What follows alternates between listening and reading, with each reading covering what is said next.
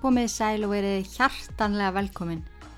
Inga heit ég og þið eruð að hlusta á Íllverk podcast. Personalega líður mér eins og það séu margi mánuður síðan ég gaf síðast út þátt. En það fór fram hjá ykkur, þá er nokkus konar sumaropnun í mæ og júni sem að þýðir að ég gefu tvo fría þætti í mánuði í stað fjóra. Þetta er aðalega gert fyrir mig til að hlaða batteríin og svona en áskriftin er á sínum stað að sjálfsögðu. Ég veit ekki henni að ég er samt búin að sakna ykkar og ég er búin að hlakka mikið til að gefa út hennan þátt. Ídlar podcast er í bóði save.is og ég mun segja ykkur betur frá því stórkostlega fyrirtæki á eftir.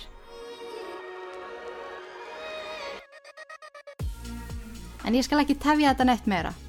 Skellum okkar af staði í þáttaksins sem er ekkert eðlilega fyrðulegur. Þáttur 106 Adam Strong Gjöru þau svo vel.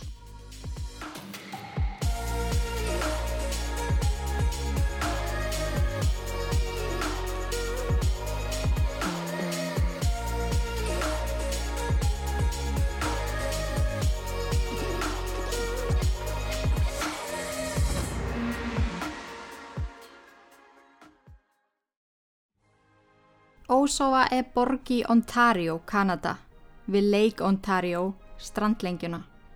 60 km austur við Toronto. Þar fyrir fram mikil bifræðaframleðsla og atvinnutækifarin mörg. Þess vegna fekk borgin slagurðið borgin sem að knýr Kanada áfram og borgin sem að sefur aldrei. Glæsilegt heimili stopnenda bílafyrirtækisins Parkwood Estate er sögulegu staður í Kanada og þar hafa farið fram hinn ímsu skot í þekktum bíómyndum. Þar á meðal er It, Billy Madison, Chicago og X-Men. Við höfum fjallað um nokkra morðingja frá Kanada, svo sem Körlu og Paul Halmolka, en Paul fekk viðunefnið The Scarborough Rapist og saman fenguðu við nefnið Barbie og Ken Killers. Við höfum rætt um Russell Williams, þjóðþækta og virðulega flughermannin sem að braustinn til fólks og rendi fötum á ungum stelpum og myrti þar svo. Og ekki getur við glemt Robert Pigton eða The Pig Farm Killer sem að myrti konur og blandaði líkamsleifin þeirra við svínakjötið sem hann seldi. Já og Luka Magnotta One Ice Pick, One Lunatic. Við höfum farið um víðan völl þegar kemur að morðingjum í Kanada, en við höfum ekki ennþá skoða málin eins frá ósáfa. Og ég held líka, þegar ég spá í því, þá höfum við aldrei fjallað um neitt jafn óforskammaðan, siðlausan og taktlausan einstakling og ég ætla að segja ykkur frá í dag.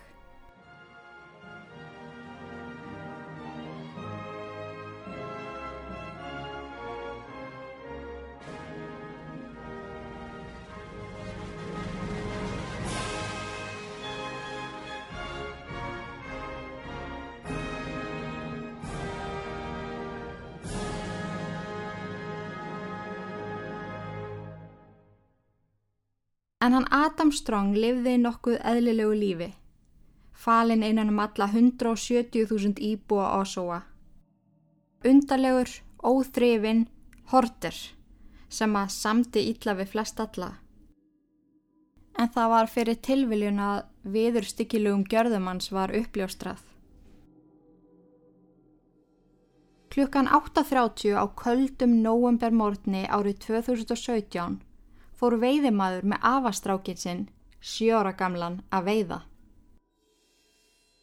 Þegar þeir höfðu staðið á bryggjunni í nokkra klukkutíma, beiti eitthvað svakalagt á agnið hjá stráknum.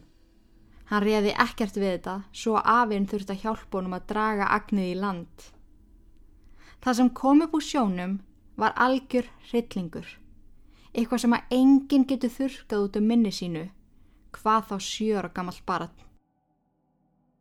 Afinn ringdi í laurugluna og tilkynntu að þeir hefðu fundið búk í sjónum. Á búkin vantaði hendur, fætur og höfuð.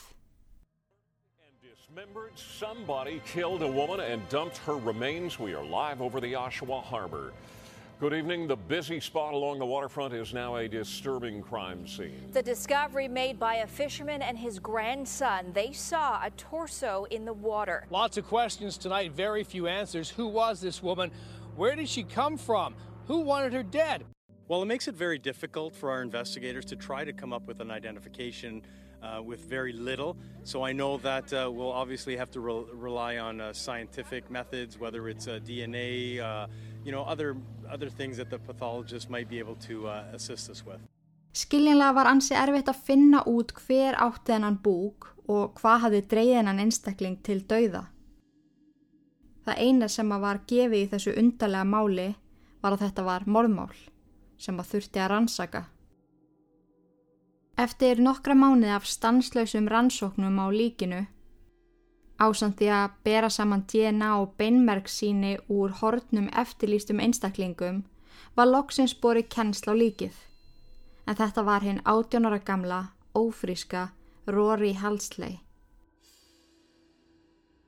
Fyrst var líst eftir henni í ágúst 2017 en síðan þá hafði enginn séðana. Rory hafði átt erfitt uppdráttar vilst af leið og ánýtjast fíknefnum. Á þeim tíma sem hún kvarf var hún heimilislaus, en þrátt fyrir allt erfiðið sem hún hefði gengið í gegnum var hún ótrúlega sjálfstæð og dugleg. Hún ætlaði sér að verða edru, sapna peningum og ala barni sitt upp eins vel hún mögulega gatt. Og líka þótt að fjölskyldulífið hafi ekki verið upp á marga fiska en Mammenar var meðfíkil og stjúpabennar stopnandi Satan's Choice sem er grjótarður mótuhjólahópur. Þráttur þetta þá þóttu þeim ótrúlega vænt um hvort annað en áttu svona nómi sitt. Það tók gríðalega á bæði þegar hún kvarf og síðan þegar hún fannst látin. Fóreldrænar voru staðræðinir í því að komast að því hver hefði gert henni þetta og sá hens sami átti ekki eftir að eiga sjö dagana sæla eftir að Satan's Choice, mótihjólaklúpurinn, hafði lokið sér af. Mánuði eftir að lík Rory fannst, the way þá kólnaði málennar fljótt á þessu mánuði því að bókstala ekkert komi upp sem að benti til þess hvað kom fyrir hana. En já, mánuði setna 20. og 9. desember 2017 Íbúi blokkinni hafði ringt á pípara því að pípulagninnar í húsinu voru görsamlega stíblaðar. Í rúma fjóru klukkutíma reynir píparinn að finna út hvað var að og hvar stíblan átti upptöksinn. Hann endar á banka í kjallaríbúðinni.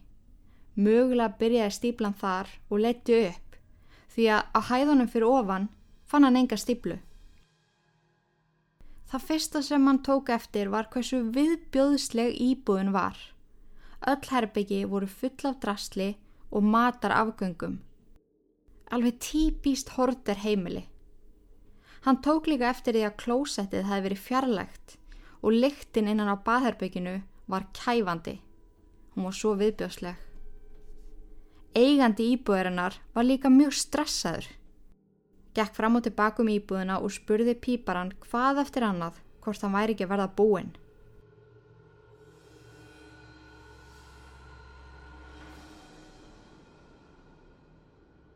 Eftir að hafa pínt sig til þess að skoða pípulagninar í íbúðinni frá A til Ö komst hann loksins að róta vandans. Stiplunni sjálfri. Sama hvað hann reyndi náðan ekki að losa hana með eðlilegum aðgerðum en dró út úr rörunu hvern seiga slímstrengin á fætur öðrum. Hann áttaði sér ekki alveg á því hvað í óskupunum þetta var. Liktinn sem að fylgdi þessu var óbærileg. Hann hjælt áfram að toga í þessa slím seigu strengi og kom svo því sem að hann tók út úr rörunu ofan í ruslapoka sem að eigandi íbúðarinnar skaffa á honum. Eftir langan tíma að brasi ringir hann í yfirmannsinn sem að kemur skömmu setna. Hann skoður þetta með honum og fljótlega komast píparatnir að sameilegri niðurstöðu um hvað þetta var. Húð, taugar, æðar, sundur tættar líkamsleifar sem að ykkur hafi reynd að styrta niður klósettið. Þeir segja ekkert við eiganda íbúðurinnar, þakka bara fyrir sig og yfirgefa svæðið með innihaldið úr rörinu í póka. Hi there, how are you? Good, you? Good, thanks. Um, just uh, I'm a plumber and I'm on site for at, uh, a job. We got uh, we're we're snaking a drain, and we were uh, we've been pulling back. Uh, we probably pulled back about ten pounds, fifteen pounds of like it looks like flesh type of stuff, meat. And we started to snake, and we've been working at it for like three, four hours now, right? Oh, okay. And we we can't get it clear, but we keep pulling back chunks of you know whatever the hell it is. Þegar laurugla mætir, standa pípararnir fyrir utan með viðbjöðin í póka og benda lauruglu á íbúðina sem að þau þurfa að heimsækja. Þeir banka hjá eiganda kjallara íbúðarinnar og um leið og hann opnar hörðina kannast eitt lauruglumannana við hann. Þetta var ekki fyrsta sinn sem að hann kom á heimili Adam Strong. Það hafði oft verið kvarta undan umgengni hans og óþef úr íbúðinni. Adam heilsaði ekki þegar hann opnaði hurðina. Heldur sagði hann orð rétt. Ok, you got me. The gig is up. You want the rest of her? She's in the freezer. Eða, ok, þið náðu mér. Vil ég restin af henni? Hún er í fristinum. Adam Jeffrey Strong, 45 ára, gæti ekki falið sér í horter hólunni sinni lengur. Það var kalla át fleiri laurugluþjóna sem að hófust handa við að fara í gegnum íbúðina. Eitthvað sem átti eftir að vera stórt verkefni og taka langan tíma. Adam benti þeim á fristikistuna sem var staðsett inn í svefnherbyggjunans. Ofan í henni var restin af Rory, þar á meðal höfuðennar og yfir líkamspörtunum voru mörg lög af sæði úr Adam.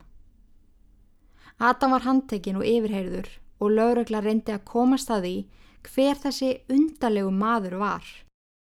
Hann var ekki á sakaskrá og hafði aldrei komið við sögu lauruglu nema í þessi skipti sem að ringtaði verið út af umgengni og lykt.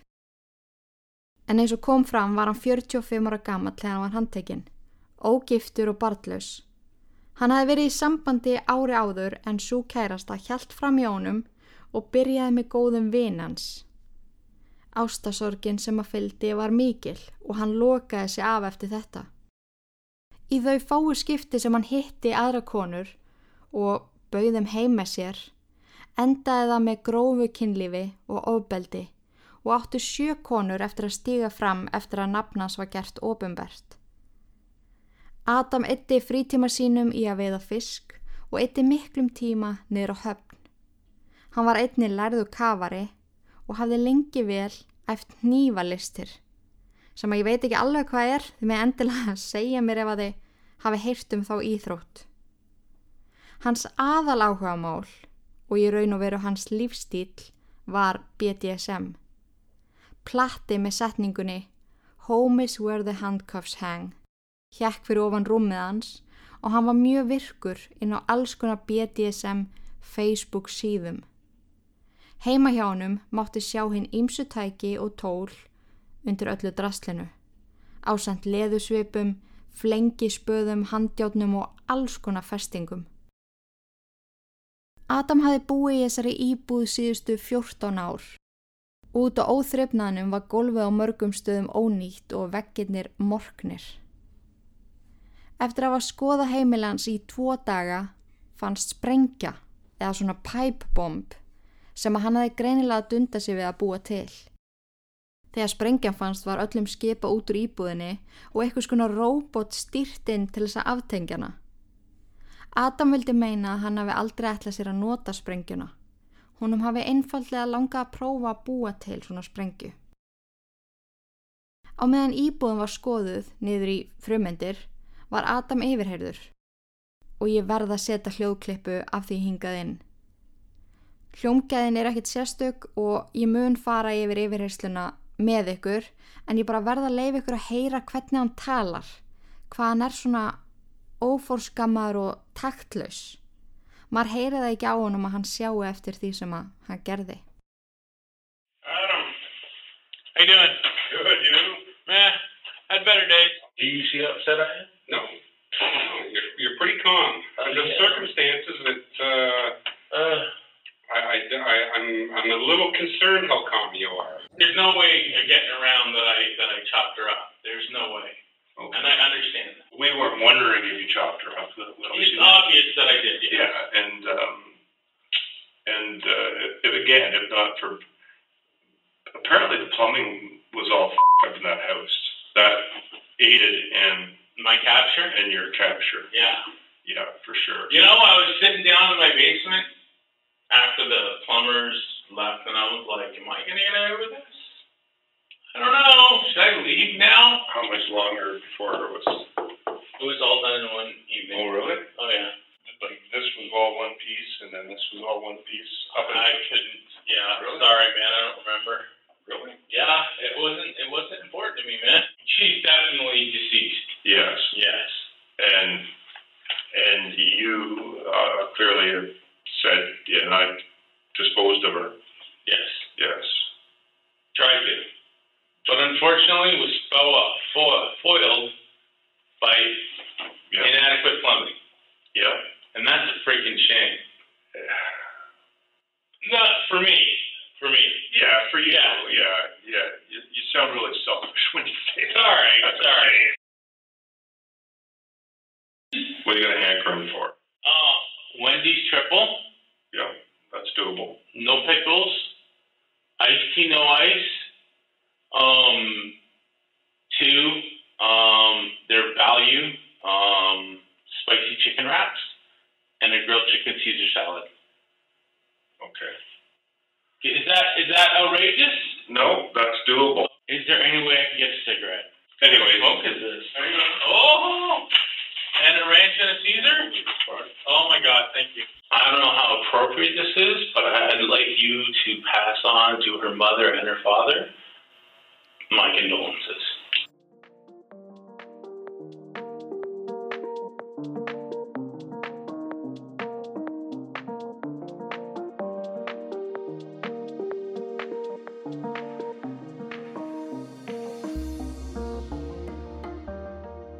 Save.is er styrtaraðali Ítverk podcast og ég hef sko fréttir að færa.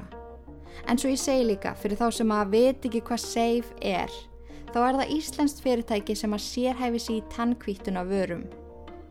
Tannkvítun hefur lengi vel verið dýr og það þarf að panta tíma, fara í nokkuð skipti, en með kittunu frá Save getur þú gert þetta heima hjá þér, upp í sófa jafnvel.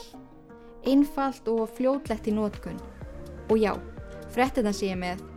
Ég er sérst búin að vera að pröfa vel og vandlega og nota kittið samvisku samlega eftir leiðbynningum og tennuna mínar eru farnar upp um þrjú byrtustig. Þetta er svo geggjað, ég var svo ótrúlega glöð því ég sá munin og váka ég mæli með því að þið skellið ykkur inn á save.is og nælið ykkur í tannkvítuna sett. Aðeins að kvíta stellið fyrir sumarið. Þetta er allan að ynga approved. save.is sa2e.is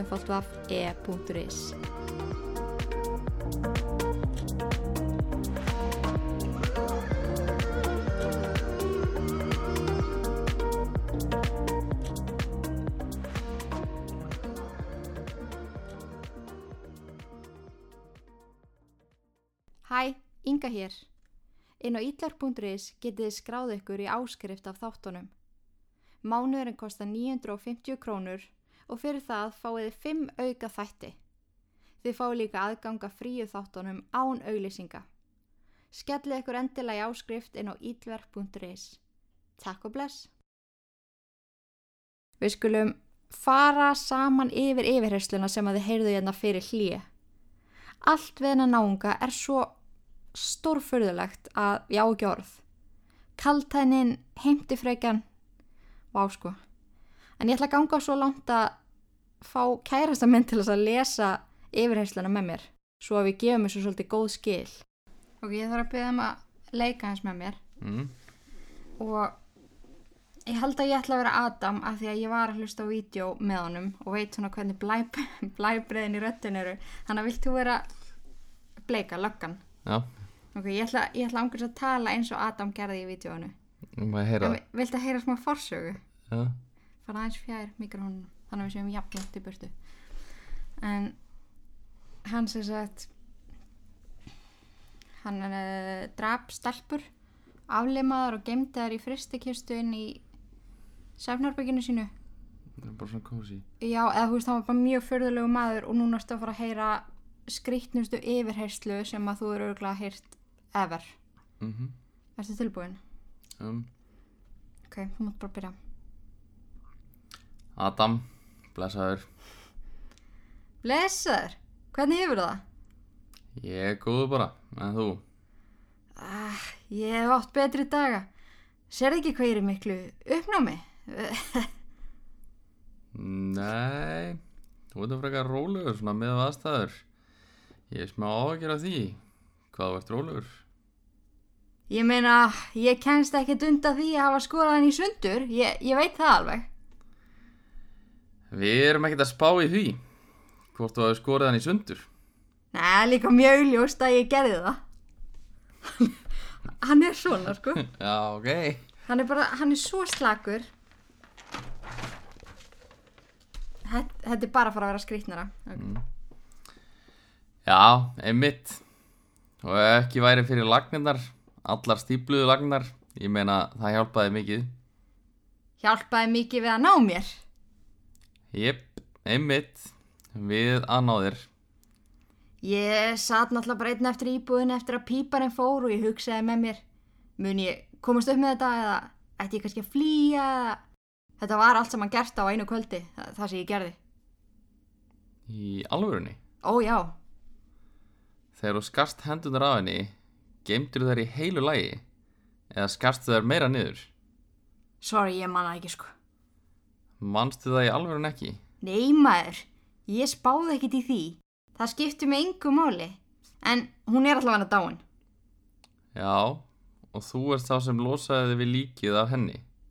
Jepp, eða ég reyndi það en því miður þá festist þetta allt í lögnunum stíplaðir alveg sem er algjör synd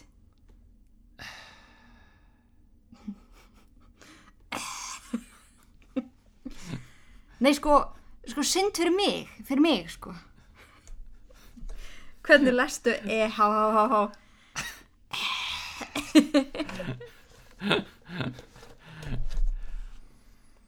Já, synd fyrir þig. Já, já. Þú hljóma svo sjálfselskur þegar þú segir þetta svona. Sorry Já, fyrir ekki. Ég var bara að þetta rétt línu En sem sagt, svo býður lauruglumæðurinn sem er að yfirherra Adam Strong hún með eitthvað að borða því að þeir voru búin að setja þarna gæt lengi að spjalla saman og hann segir, "Þú veist, viltu eitthvað að borða og drekka? Og furðulega típan sem að Adam er hann leggur fram bara risa pöntun við laurugluþjónin en hann segir sem sagt ég væri til í þrefaldan vendís hambúrgara Ok, ég get græða það. en Adam er ekki búinn bara með þessum hambúrgara hann segir svo uh, mínus súra gúrkur og íste mínus klaka uh, tvo stóra skamta af sterkum kjúklingavefjum og sesasalat með grilliðum kjúkling Ok, er ég, er ég að byggja um mikið? nei, nei, ég get græða þetta. eins og ykkur sjans að ég geti fengið síkaretu þá er hann alveg ah, rannsósa og sesasósa. Oh my god, takk maður. Þegar hann er svo búinn að borða halda þær að hún að spjalla.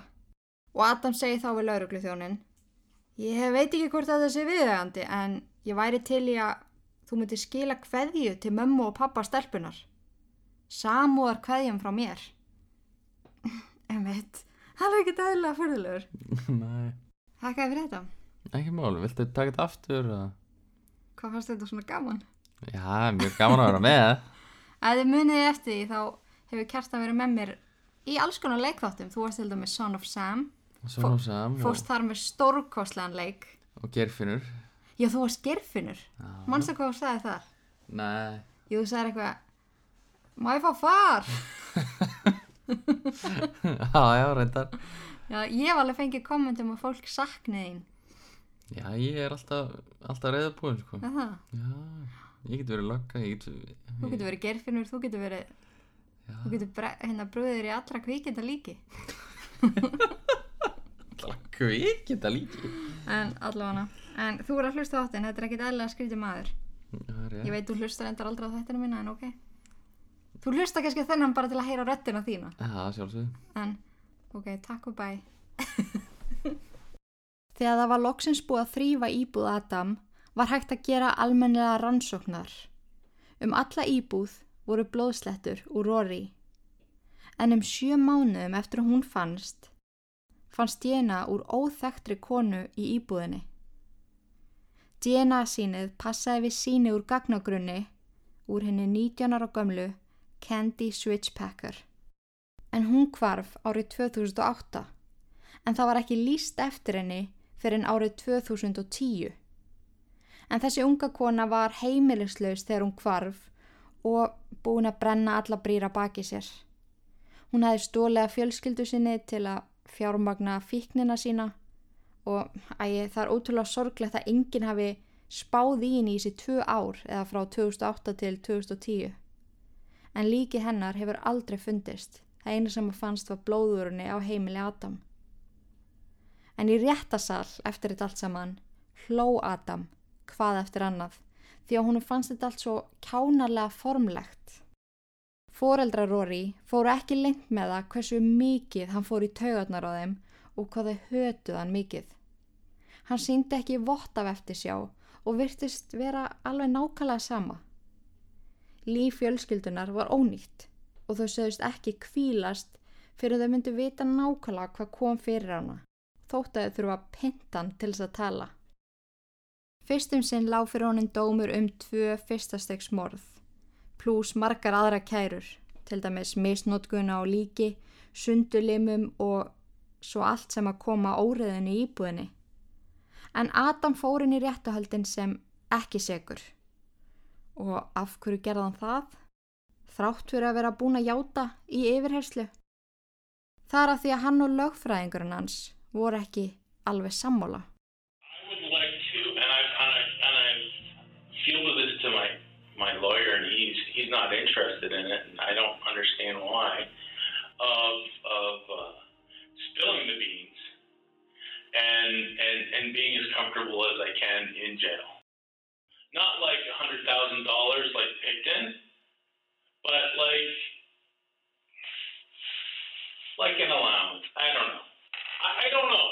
Like internet access, like TV. Like I don't have anybody who's gonna buy me TV. I I don't expect to get out of jail free card. I don't. I just want to be comfortable in jail, man. En svo ég fara hans yfir þessa hljóðklippu, þá er vilji hans sem sé þessi. Hann segir orðrétt. Ég myndi vilja og ég er búin að viðra þessa ósk við lögfræðingi minn sem að tekur ekki vel í þetta hjá mér og ég skil ekki alveg af hverju en ég myndi vilja segja frá öllu, játa allt og í staðin hafa það eins þægilegt og mögulegt er í fangelsi. Ég þarf ekki ykkur 100.000 dólar á mánu eins og Pigton og þá á hann við Robert Pigton eða The Pig Farm Killer sem er einmitt í sama fangelsi. En þú skilur, ég myndi vilja vasapenninga. Ég veit ekki, líka aðganga internetinu og ég meina það er engin að fara að kaupa anda með sjónvarp, þið verðið að gera það. Ég ætlast ekki til að losna eða sleppa við fangelsisvist, alls ekki. Ég vil bara hafa þetta þægilegt maður. Réttahöldin yfir Adam Strong hófust í september 2020. Hann nefndi aldrei að mæta og spurði hvað eftir annað hvort það væri ekki óþarfi fyrir hann að vera aðna. Það þurfti sérst að draga hann út úr klefanu sínum. Sjö konur stegu fram og sögðu frá hræðilegri misnótkun og ofbeldi sem að Adam beitti þeim. Adam var tilbúin að segja frá því hvernig hann sundu limaði Rory, sturtaði bútum af henni í klósettið, hendi búknum hennar í sjóin og gemdi svo restin af henni í fristinum henni í svefnherbygginu sínu. En hann saðist ekki muna hvernig hún dó og hvað dró henni til dauða. Varnatemi Adam notaði það að hann myndi það ekki. Sögðu að báða stelpunar hefði verið dóbestar. Þar hefðu líklegast óvidósað að Adam ekki vita hvað hann ætti að gera í því. Meiri hluti vildi samt meina að hann hefði líklegast haldið konunum föngnum í ykkur tíma áður en hann myrti þær. Guð má vita hversu lengi. En það sem er svolítið öðruvísið þetta mál en flest mál sem að ég tek er að það er ekki búið að dæma. En mér skilst að dómumunni falla á næstu dögum og ætla að verði ekki fyrstastegs morð fyrir Rory og mannslóter fyrir Kandi því að líkanar hefur aldrei fundist eða einhverja frekari sannanir með gruna það. En máli er því ennþá í rannsókn og ég mun auðvita að láta ykkur vita með gangmála. En mér langaði svo ótrúlega að taka svona nýlegt mál sem að við getum fylst með saman. Þetta er bara í fullum gangi. En margir telli líklegt að það séu fleiri fórnalömp. Því að það er svo skrítið hvað leiði land á milli Rory og Candy og ef það hefði ekki verið fyrir pípulagninnar þá hefði hann mögulega komist upp með þetta.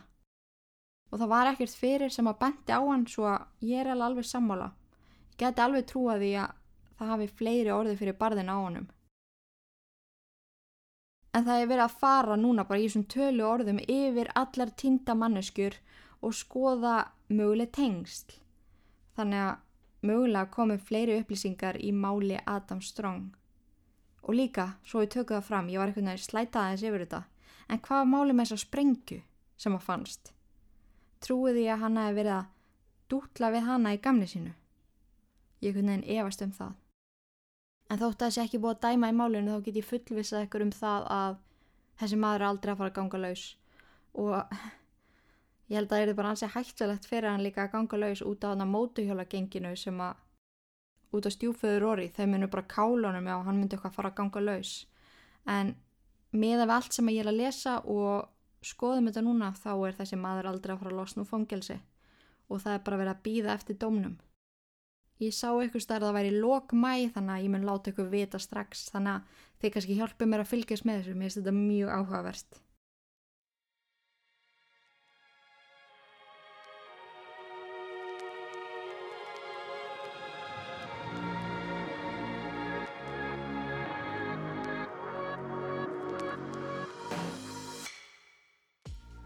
En ég hlakka til að heyra hvað ykkur finnst um þetta allt saman og ég vil auðvitað líka minna á sumaropnun Ídverk podcast.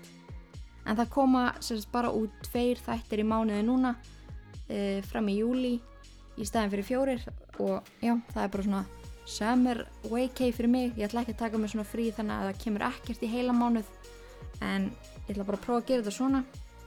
En áskriftin verður auðvitað á sínu stað og það er að koma núna út huge pakki eftir helgi 1. júni 5 glænir true crime þettir og yllverk krakkar og allt saman þeir geti kíkt á úrvalið ef að svo múi segja inn á yllverk.is og skrá okkur í áskrift ef að þið viljið meira efni frá mér. En þángar til næst þá þakka ég ykkur kærlega fyrir að hlusta. Takk fyrir að vera til og í guðanabænum forðust öll yllverk nema þetta podcast. Verið sæl